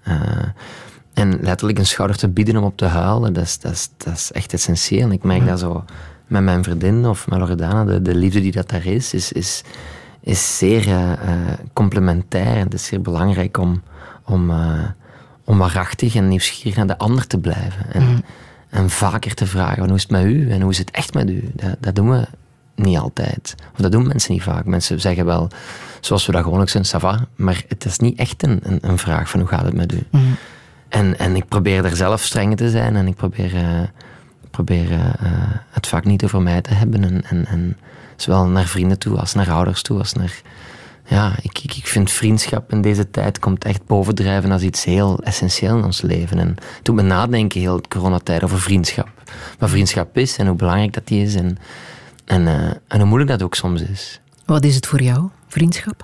Eh, het is elkaar groter maken. Het is, eh, het, is, het, is, het is vechten ook. Vriendschap is niet, is niet evident en is niet altijd gemakkelijk, want iedereen is anders en iedereen heeft zijn eigen demonen waar hij mee moet vechten. En als je dat te weten komt, dat, dat iemand niet zoals mij is en dat je toch dan samen eh, eh, kunt overleven en, en, en jaren op de teller kunt, kunt afleggen. eh, en dat, dat, dat je begrip en mild bent voor elkaar. Dat is, dat, is, dat is vriendschap, denk ik. Mild zijn voor elkaar. Heb jij het al lastig gehad in vriendschappen? Ja, ja, ik heb het zeker al lastig, maar dat is, het, is, het, is, het is moeilijk hoe dat, hoe dat eh, lastig in het leven. Uw leven leidt op een gegeven moment het leven dat, dat, het, dat het zijn gang gaat. En, en, en vriendschap, bijvoorbeeld als je op een set komt, ja, je wordt eventjes beste vrienden voor die drie maanden. Je je ziel bloot, je werkt samen. En dan stopt dat project en dan gaat je leven gewoon door. En dan, en dan neem je natuurlijk sommige vrienden mee, maar dat is, dat is een beetje, ja, dat is moeilijk soms om dat evenwicht te vinden. Maar ik denk dat ik nu pas, na 33 jaar en, en toch al een tijdje aan het werken ben, een perfecte balans heb. En weet dat, dat, dat er vrienden zijn die altijd blijven bestaan. En zo heel mijn, mijn Limburgse scene, die ik al ken van toen ik heel jong was, ja, die zijn, die zijn echt essentieel om een soort tegenkleur te bieden tegen, tegen de artistiekere scene, eh, eh, tegen de, die, de industrie waar ik in zit, snap je? Ik vind dat fijn om hun te horen, maar die hebben natuurlijk ook allemaal hun eigen karakter en hun eigen eh, trekjes en, en om ermee om te gaan, dat is, dat is niet evident, maar ik vind het tof om daarvoor te blijven vechten en, en voluit te gaan. Kan je, zeggen wat je, echt, ja, kan je zeggen wat je echt zoekt in vriendschap? Wat je van hen verwacht? Ehm, eh, misschien kwetsbaarheid. Ik denk dat ik het belangrijk vind dat vrienden rondom mij kwetsbaar kunnen zijn. En dat wil niet zeggen dat die, dat die hun ziel iedere dag op tafel moeten gooien of dat die heel communicatief moeten zijn. Maar ik wil wel bij iedere vriend die ik heb, wil ik wel voelen waar die zijn kwetsuur ligt. En, en, en, en ja, dat je zonder een, een masker op eh, echt kunt zijn bij mij. Want dat denk ik ook dat ik ben. Ik probeer zo puur en zo, zo hard mogelijk in het nu te leven. En, en, eh, en ik heb natuurlijk mijn mankementen. En ik kom vaak te laat. En ik snap dat iedereen heeft zijn issues. Maar eh, vriendschap staat er toch vol een bak boven. En moet toch over iets, moet over begrip en over elkaar verstaan gaan. En dat moet liefde trouwens ook. Eh, dat eis ik van Loredana. Dat eisen wij van elkaar ook op, bijvoorbeeld. Kerst is eh, normaal gezien het moment waarop je met familie samenkomt. eh Oudjaar, nieuwjaar, waar je de vrienden eh, terug opzoekt. Dit jaar zal dat anders zijn. Hoe ga jij dat doen? Goh, we blijven natuurlijk bij ons gezin. We zijn al met drie. We hebben ons fantastische dochter. Maar ja, Lino mee. We gaan bellen, skypen. Maar we gaan wel wandelen. En dan zijn we eigenlijk heel veel aan het doen de laatste tijd. Wandelen Ja? met mijn ouders. Ja, dat is, dat is echt super plezant. Dan gaan we naar Limburg. En dan gaan we daar... Limburg is gewoon een stad. Er is zelfs een goede spot van gemaakt. En gaan we daar, eh, gaan we daar eh, mooi wandelen. Dat is ook fijn. En dan zetten we altijd thee. En dan tegenwoordig pakken we ook een beetje rum mee. En dan drinken wij gemberthee met citroen en rum. voilà, dat is een plan. Dat is een plan. Ja. Maar heb jij je extra ingezet voor eh, mensen het afgelopen jaar? Wat je anders misschien niet zou gedaan hebben? Goh, ehm, ja, ik denk, om eerlijk te zijn, dat de, dat de, dat de band of, of de, de bezoekjes of het wandelen, hè, toen het nog mocht in de zomer, ik denk dat we nog nooit zo'n een zomer hebben gehad waar ik mijn ouders zoveel heb gezien. Ehm, en en dat, ik ben er eigenlijk heel blij om dat dat zo is gelopen. Het was eigenlijk echt, ondanks corona, toch een fijne zomer. Het was, het was een staycation, zoals ze dat noemen. We hebben met ons gezin, met de familie, veel aan zee gezeten toen. En dat was echt fijn om, om elkaar echt terug te vinden. Maar alles stond natuurlijk eh, in teken van ons, ons dochtertje Julia. Dus de, de ja, families komen ook terug samen door een, door een geboorte. Eh, niet dat we uit elkaar gegroeid waren, voor alle duidelijkheid, absoluut niet. Maar het is wel zo dat we elkaar de laatste tijd veel terug hebben gezien. Het zijn ook andere gesprekken hè, als je wandelt. Ja, ja, ja. ja Heb je fijn. dat gevoeld? Ja, ja, zeker. Maar mijn, mijn ouders zijn allebei eh, destijds getroffen door corona. Die hebben het allebei gehad. Ehm, en dat was even eh, alle hens aan dek en we waren heel, heel angstig. Eh, en mijn mama die, eh, die heeft, ook een paar dagen in het ziekenhuis gelegen. Maar is daar eh, vrij snel bovenop gekomen. Zij was helemaal... ehm, zij, zij, zij dronk te weinig en zij at te weinig. Ze kon niets meer binnenkrijgen. Waardoor eigenlijk de huisdokter heeft gezegd van oké, ga echt maar een paar dagen naar het ziekenhuis en een bakster liggen om terug op krachten te komen. Want pas dan kun je die, die, die, die ziekte overwinnen. En dan is ze eigenlijk na drie dagen mocht ze terug naar huis. Maar de moment, want het gaat dan echt zo, ja, de dokter zei, je kunt best een ambulance bellen. Het moment dat die ambulance voor de deur stond en mijn moeder daarin, mijn vader die achter, dat was echt wel, dat voelde allemaal heel heftig. En het is ook heel heftig, je moet het echt niet, niet onderschatten. Mijn vader is twee maanden, eh, wat zeg ik, twee weken, in tijden overdrijf ik soms een klein beetje, is twee weken eh, zijn stem kwijt geweest. Eh, ik kon gewoon niet babbelen als die iets zeggen, was die, was die zo'n praat. Dus het was dan aan papa vragen hoe is mijn mama in het ziekenhuis, maar die kon eigenlijk niks zeggen. Dus dan heb ik heel vaak de verpleegsters van het ziekenhuis eh, aan de lijn gehad, die dan iets zeiden over de toestand van mijn mama. Ja. Ja, Maar dus ze zijn nu op dit moment terug allebei heel, eh, heel gezond en, en ze hebben geen eh, klachten die, die nog opspelen, gelukkig maar. Wat ook maakt dat als we ze nu zien, als we wandelen, dat we, dat we wel vrij zeker zijn. Dat klinkt stom, maar ik heb dan toch het idee van oké, drie, vier maanden hebben ze antistoffen. En zijn we misschien geen gevaar? Of zijn zij geen gevaar? Want het is toch vooral voor de oudere mensen dat we, dat we moeten opletten. Maar een warm gezin hebben, ehm, goede ouders, eh, dat is allemaal een luxe. Hè? Blijkt nu ook eh, in dit voorbije jaar. Er zijn mensen die die luxe en eh, dat plezier niet hebben, die alleen zijn en alleen ook door dit eh, gruwelijke jaar moeten. Ehm, wat zou je hen willen, willen zeggen?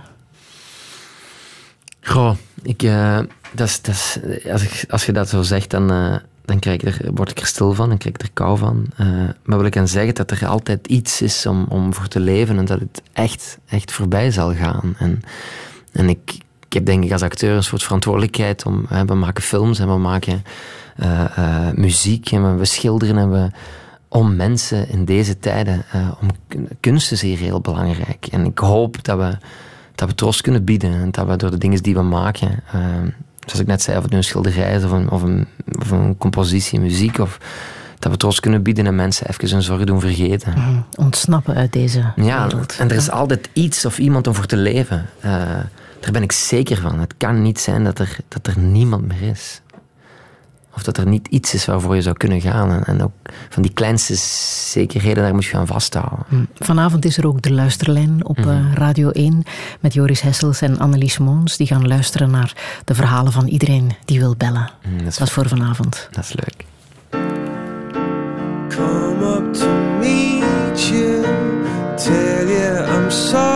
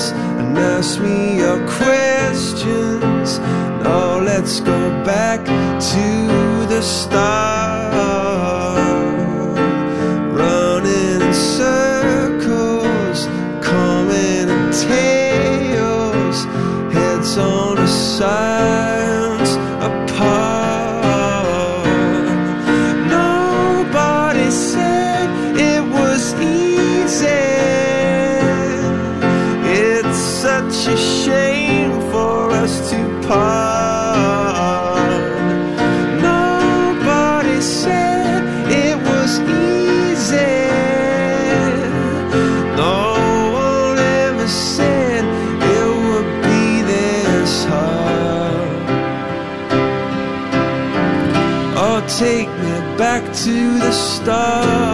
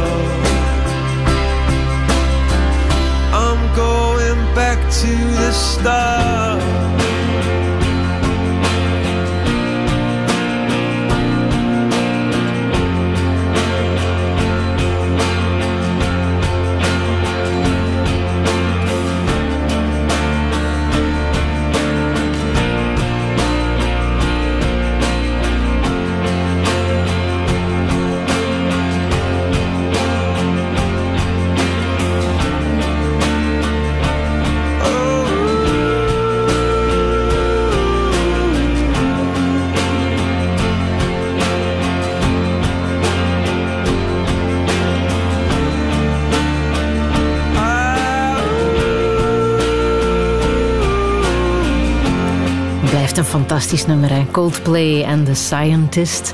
Matteo Simoni, welke herinnering hangt er vast aan dit nummer voor jou? Eh, dit nummer is, is gespeeld door een goede vriend van, eh, van Marco ehm, op de begrafenis van Rafael. Ehm, iemand heeft daar, heeft, daar, heeft gezongen en terwijl piano gespeeld. Dus het is een, het is een, eh, een begrafenislied eigenlijk. En ik, eh, ik weet dat ik die begrafenis. eh, eh, heb achteraf be- beseft hoe belangrijk dat zo, dat zo afscheid nemen is. En dat zo'n begrafenis. Ik weet dat er was een Aldebize in een kerk.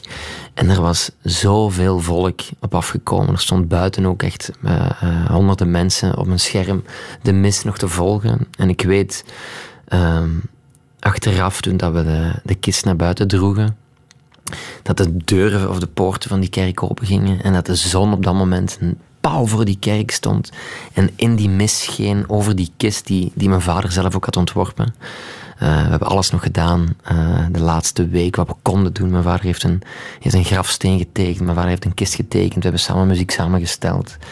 Ehm, en da, die, die molen van die, die week, die gruwelweek dat je dat moet regelen, werd dan toch nog iets schoons. En dat, dat afscheid nemen met al die mensen is, is eh, ja, dat was echt belangrijk voor dat verwerkingsproces. En dat nummer, The Scientist, ik ben dan eh, op kot. eh, ik heb altijd met Renaat gezeten in Tlemmes. En er waren honderden piano's, want er waren allemaal verschillende studio's. En dit is het eerste nummer dat ik echt tot vervelen, vervelens toe van vrienden. Als je me nu een piano geeft, dan speel ik dit nummer en zing ik dat. En mensen zeggen, Matteo, leer nu toch eens een nieuw nummer. Maar, eh, en dus ik doe het niet meer. Maar eh, ik kan dit op piano spelen. En ik kan het ook een beetje zingen. Niet zo hoog, maar dus het heeft, het heeft die betekenis eigenlijk. Echt afscheid nemen, begrafenis. Ehm, en het is een fantastisch nummer. ja. Je draagt Rafael ook letterlijk dicht bij je. hè? Je hebt een tattoo laten zetten ja, klopt. eh, van zijn naam. Ja, van zijn naam. Dus Marco, mijn andere broer, is, eh is grafisch ontwerper. En die heeft, eh, ja, tien jaar geleden of zo, of nee, ik heb die al lang die tattoo. Ik denk al 17 jaar of zo. Zei van, ik heb zin in een tattoo. En eh, met de naam van Rafal. En ik zei, oh, vind je dat erg als ik meedoe? En hij zei nee, uiteraard. En heeft Mark eigenlijk iets getekend. ehm, en heeft hem zijn naam op computer gezet. En heeft hem dat uitvergroot. Heeft daar iets grafisch mee gedaan. En eigenlijk is de, de tattoo die ik heb op, mijn, op de zijkant van mijn, van mijn borst, heeft Marco dus ook gezet. Aan de binnenkant van zijn arm. Iets groter, denk ik, dan de mijne. En het is eigenlijk zijn naam in een, eh, in een soort spiegelschrift. Dus mensen die het gewoon zo zien, kunnen het eigenlijk niet lezen. Het is pas als je in de spiegel kijkt, dat je eh, zijn naam kunt lezen. En het zijn eigenlijk pixels van de naam eh, op mijn computerbeeld, scherm. Is hij voor jou nog ergens? Zeker, zeker. Maar ik denk dat ik, dat ik nog meer, eh, meer dan de tattoo, draag ik nog meer af als zijn, eh, zijn ring. Dus ik heb, een- ik heb een ring aan die ik bijna nooit uit doe. En dat is een ring die hij ooit in Australië heeft. eh, dat was een Australische dollar. En heeft hij daar ooit gesmolten met een vriend, een bevriend Smit.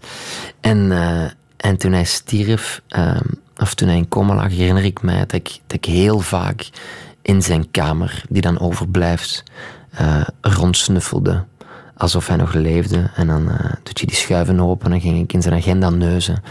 Eh, en dan vond ik daar dus een ring eh, van hem die ik nooit meer heb uitgedaan. En die ring draag ik altijd aan. Tenzij dat een rol het, het verbiedt, dat het echt niet kan, dat ik die ring aan heb, dan doe ik hem uit. En dan steek ik hem ook wel in mijn zak, dat ik hem altijd bij heb. Je bent ook in zijn kamer gaan slapen, hè? Ja, dat was voor mijn moeder een, een heel belangrijk ding, dat, die, dat, dat er in die kamer gelijk leven werd geblazen. Ehm, en ik had daar ook geen, geen eh, moeite mee. Ik vond dat ook, dat ik dat moest doen. Dat ik, eh, van mijn kamer is er dan de strijkkamer gemaakt, of een bureautje van mijn mama.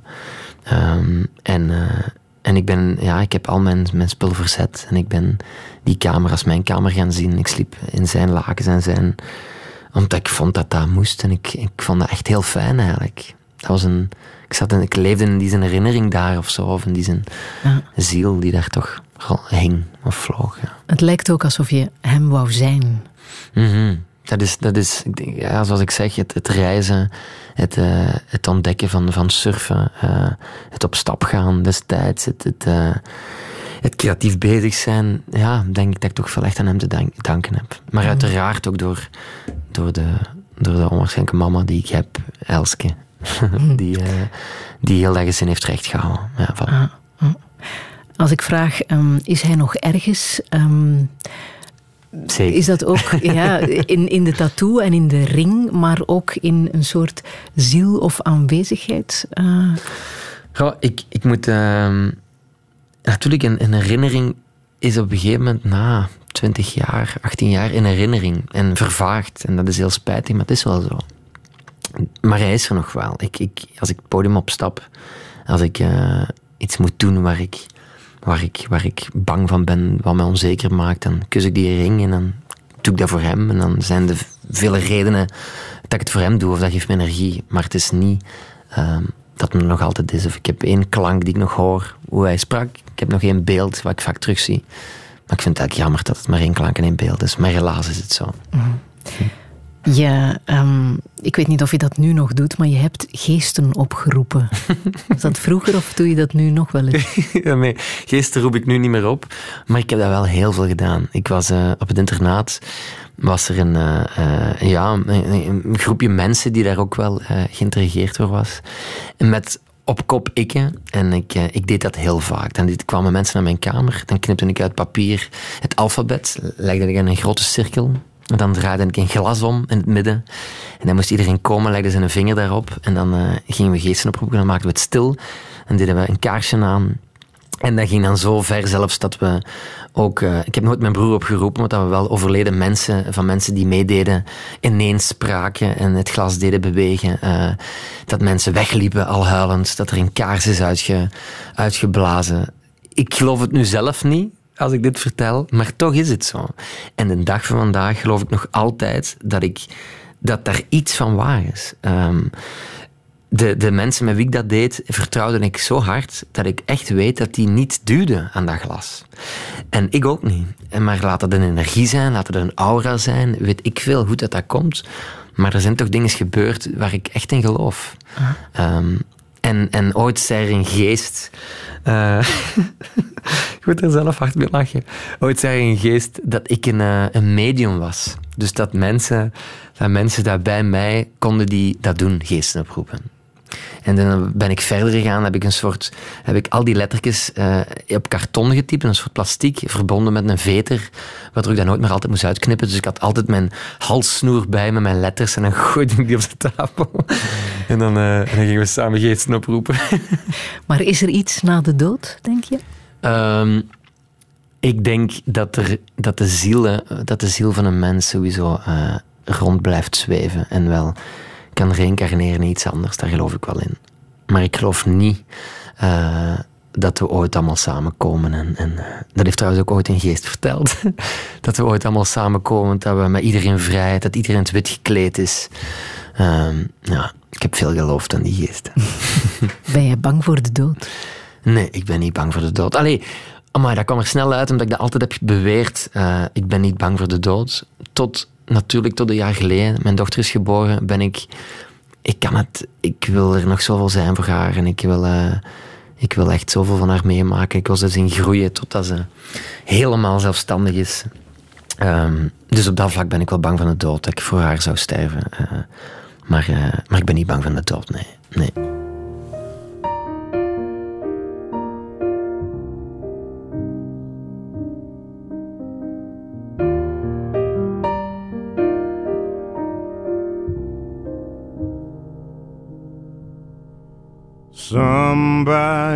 Told me get over it.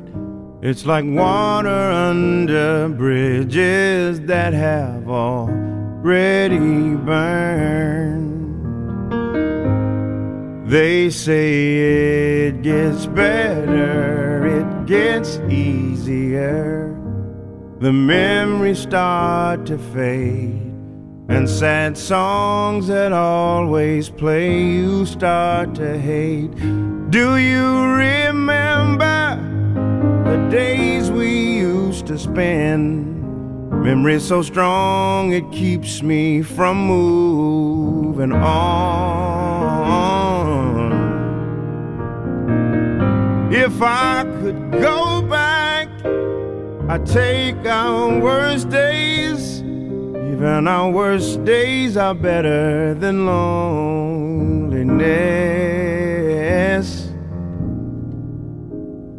Somebody told me get over it. It's like water under bridges that have already burned. It's like water under bridges that have already burned.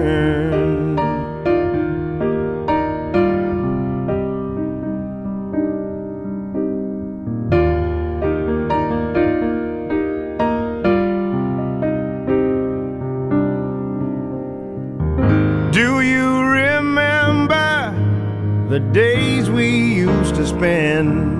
Memory so strong it keeps me from moving on.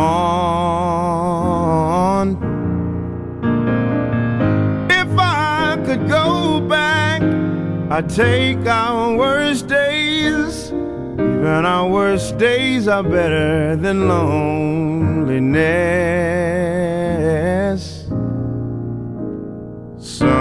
Somebody told me get over it. It's like water under bridges that have already burned. It's like water under bridges that have already burned. It's like water under bridges that have already burned. They say, they say, they say, it's like water under bridges that have already burned. Gregory Porter and Water Under Bridges. Schoon, hè? Matteo Ja, Simoni. Fantastische stem, fantastische zanger. Waarom wou je het laten horen? Ehm, het was een, eh, een, eh, een verleidingsoffensief, denk ik. Ah, ja? Nee, ik- de, de, eerste, de eerste dates met, eh met Loredana, ik denk dat ik, dat ik na date 4, ja, dat ze nog altijd de deur niet echt had opengezet. Zelfs de Latin lover moet moeite doen. Ja, nee, dat, was, dat was echt... eh Loredana heeft, eh, heeft eh, lang de bot afgehouden, maar dat was geweldig. Dat was, omdat dat zo moest zijn. En, en ik denk dat ik op date 5 op een gegeven moment over deze plaat ben begonnen. En dat ik zei van, je moet echt luisteren. En toen ik, ik zei, en we gingen doorgaan. En ik ben nog grap naar binnen gelopen. Ik heb die cd gepakt. En ik heb die door eruit gestoken. En ik dacht van, ja, nu gaan we dan wel. Nu gaan we wel kussen. En ik kreeg gewoon die ruit echt in mijn gezicht. En wegwassen. Maar na date 5 of 6 was het dan wel, eh, wel raak. Alleen nu lijkt het alsof ik die versierd heb. Laten we het daar niet over hebben. We hebben elkaar gevonden. En het was eh, echt fantastisch om, eh, om die vrouw in mijn leven te mogen hebben. Ja, dat is echt geweldig. De liefde, wat is dat? De liefde is, eh, is samen dezelfde bril op hebben eh, en samen op dezelfde manier naar de wereld kijken. En, eh, en elkaar wakker houden, elkaar teasen, elkaar plagen, elkaar afmaken, elkaar kapot maken soms. Elkaar vergeven. Maar vooral echt met een grote strik van humor en vooral veel lachen, denk ik. Vond je het moeilijk, de weg naar de liefde? Eh, ja, ja, heel, heel eh, nieuwsgierig geweest. Heel veel liggen zoeken en, en nooit echt content. Eh, alleen nooit content is niet juist het woord, maar nooit helemaal vervuld van echte liefde. Maar ik denk dat je, ze, dat je de vrouw van je leven pas tegenkomt en dat je dat ook wel voelt. En bij Loredana heb ik dat ook gevoeld, dat je, zo, dat je echt op zoveel vlakken eh, op dezelfde manier over de dingen denkt. En dat je echt zo'n partner in crime hebt. En dat is zo essentieel. Dat je los van de liefde en het seksuele, dat het gewoon een, een beste maat langs je hebt staan. Eh, en we merken dat nu, hoe je, zo, hoe je Julia ziet opgroeien, hoe we daar mee omgaan, hoe we dat... Ja, wij, wij zijn allebei eh, onwetend en we ontdekken dat along the way. En dat is, dat is fijn om dat, om dat met een goede vriend te doen. En daar Ja. tegelijkertijd ook mee te lachen en te sukkelen en te... We zijn allemaal sukkelaars, maar we, we doen ons best. Alle twee. En ik wilde maar niemand anders doen dan maar haar. Mag ik zeggen dat je er wel heel erg jong mee bent begonnen met het versieren van meisjes? Dat heb je zelfs op televisie gedaan toen je twaalf was. Oei, oei, oei. Ik ben even in een interview van Catnet gedoken en toen zei je dit. Wat betekent het voor jou, Matteo? Ja, ik vind ja, gewoon laten gaan. Echt aan je amuseren gewoon. Matteo vindt dansen het einde. Zeker slowen vindt hij fijn. En is dansen ook een manier om... eh, om, om... Versieren. Voilà, bijvoorbeeld. Eh, niet altijd, maar toch, toch veel. vaak. Touché.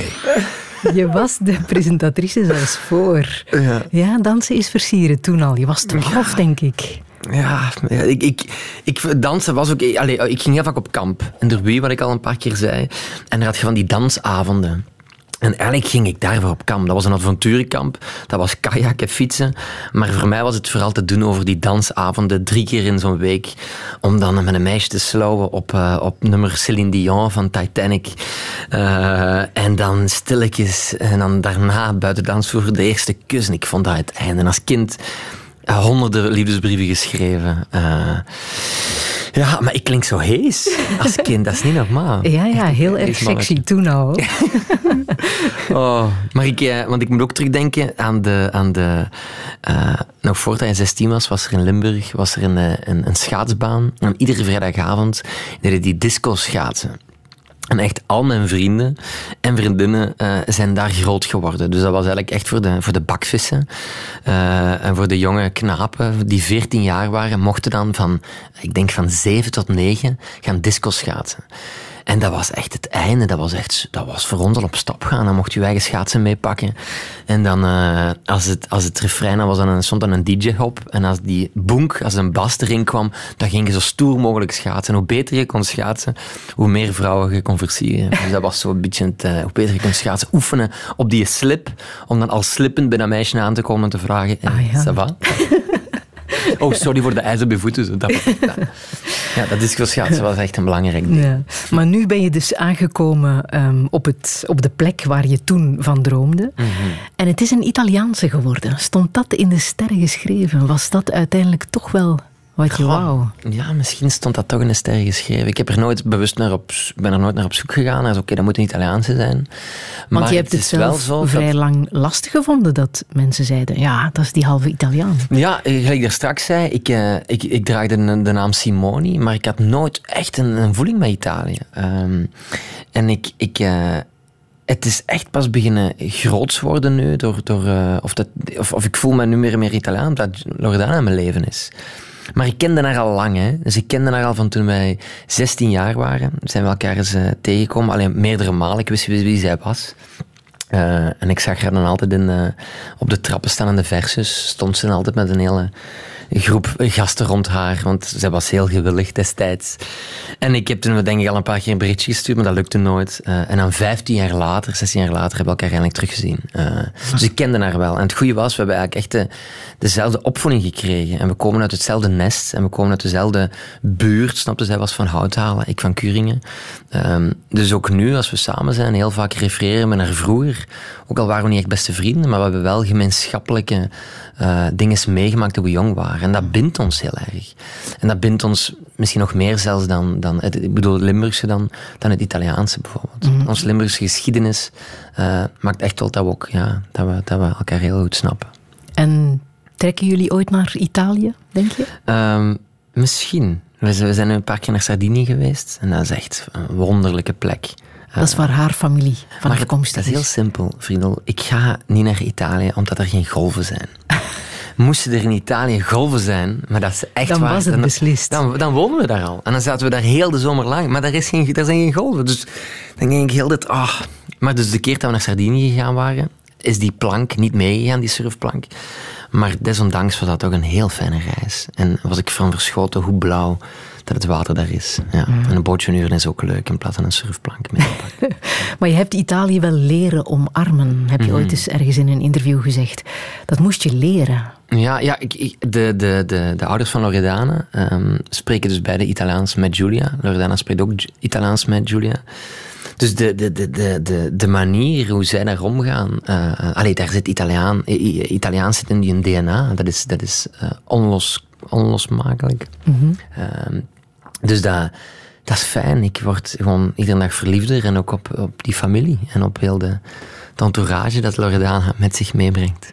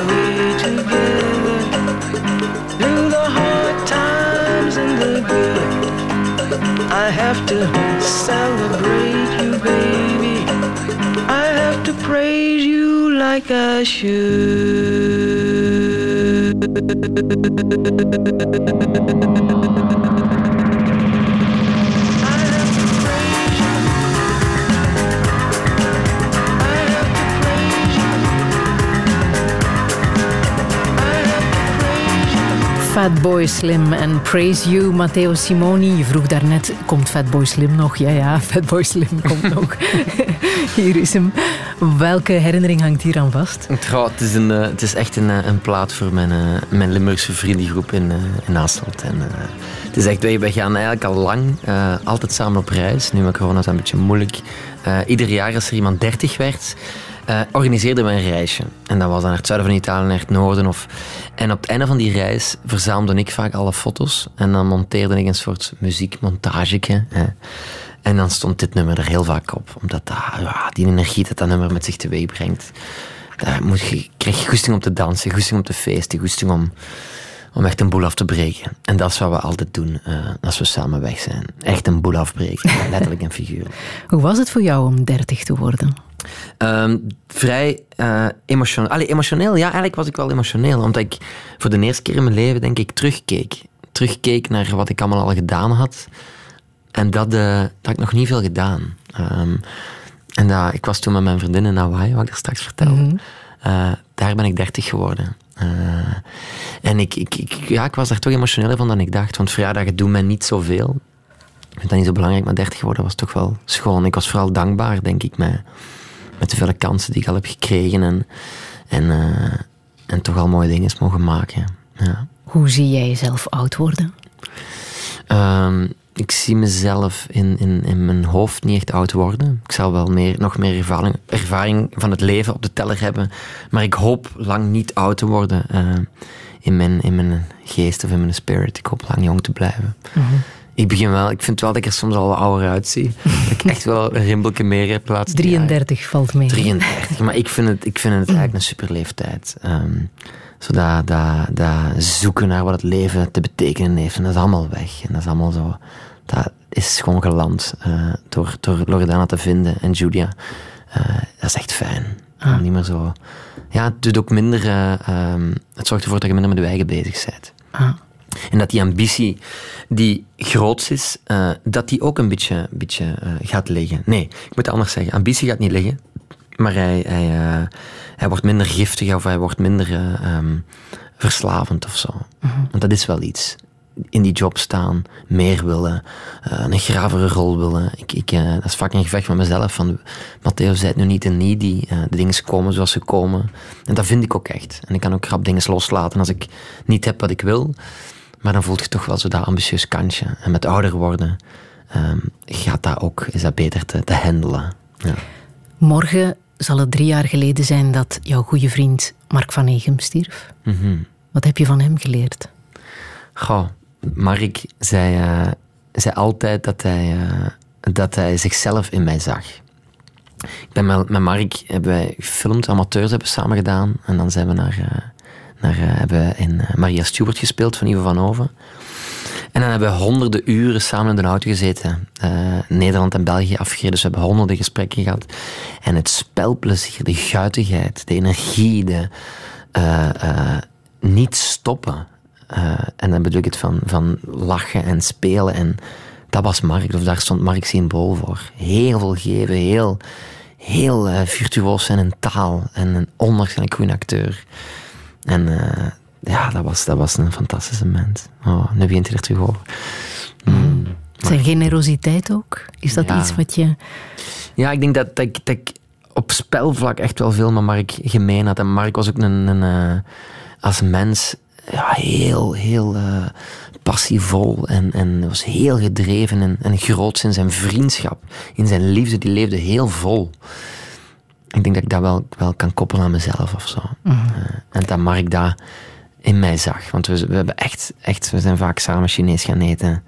Eh, en dan zaten we op de grond, altijd. We gingen niet aan tafel zitten. En dan hebben we uren gebabbeld over elkaars liefdesproblemen. Welke boodschap wil je nog meegeven? Ehm, dat mensen mild moeten zijn voor elkaar. En dat ze eh, vaker moeten vragen, hoe gaat het echt met u? Ehm, en dat we niet mogen vergeten dat er altijd iets is om voor te leven. Mm. Ik herhaal een beetje, of ik vat een beetje samen wat ik al zei, maar dat is toch echt wel... Een belangrijke boodschap. Ja, Ja. Ik heb nog Julia van de Beatles. dat is perfect om af te ronden. Ja. Het gaat eh, eigenlijk over zijn moeder, eh, de moeder van eh, John Lennon. Die stierf toen hij pas 17 was. Het Voor jou is het natuurlijk een ode aan jouw dochter. Ja, maar het, het zotte wil dat wij nooit hebben geweten of dat wij een jongen of een meisje kregen. En dat we, eh, van zodra dat, dat Loredana zwanger was, hebben wij een playlist gemaakt met allemaal muziek. Maar de titel van de playlist eh, noemde Julia, omdat dit nummer erin stond. En eigenlijk hebben we nooit meer een andere playlist gemaakt. Die Ju- Julia-titel heeft er altijd gestaan en dan bleek ook dat het een meisje was. Ja. Maar wel niet direct. Ik had het niet direct door dat het een meisje was. Half of what I say is meaningless. But I say it just to reach you, Julia.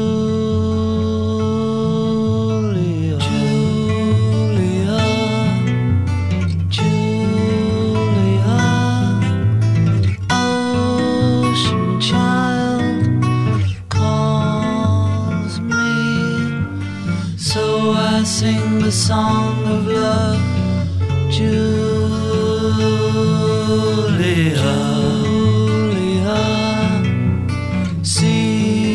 Seashell eyes, windy smile calls me.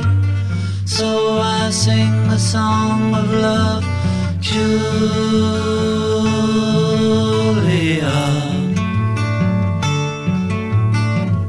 Her hair of floating sky is shimmering, glimmering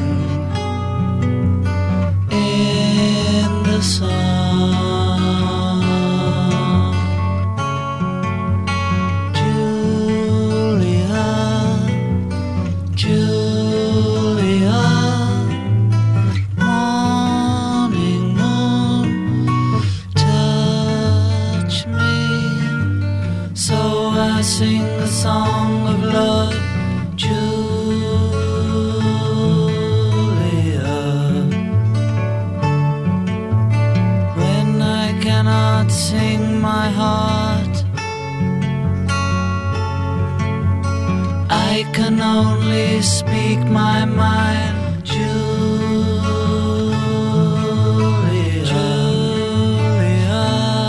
23 december wordt ze één. Wordt ze Julia. één jaar. Oh. Krijgt een kroontje. Krijgt nu al een, eh, een gelukkige verjaardag van mij. Hartelijk dank voor het fijne gesprek, Matteo Simoni. Heel Alle info eh, staat na te lezen op onze website radio1.be. Volgende week verwacht ik hier schrijfster Lise Spit. Radio 1.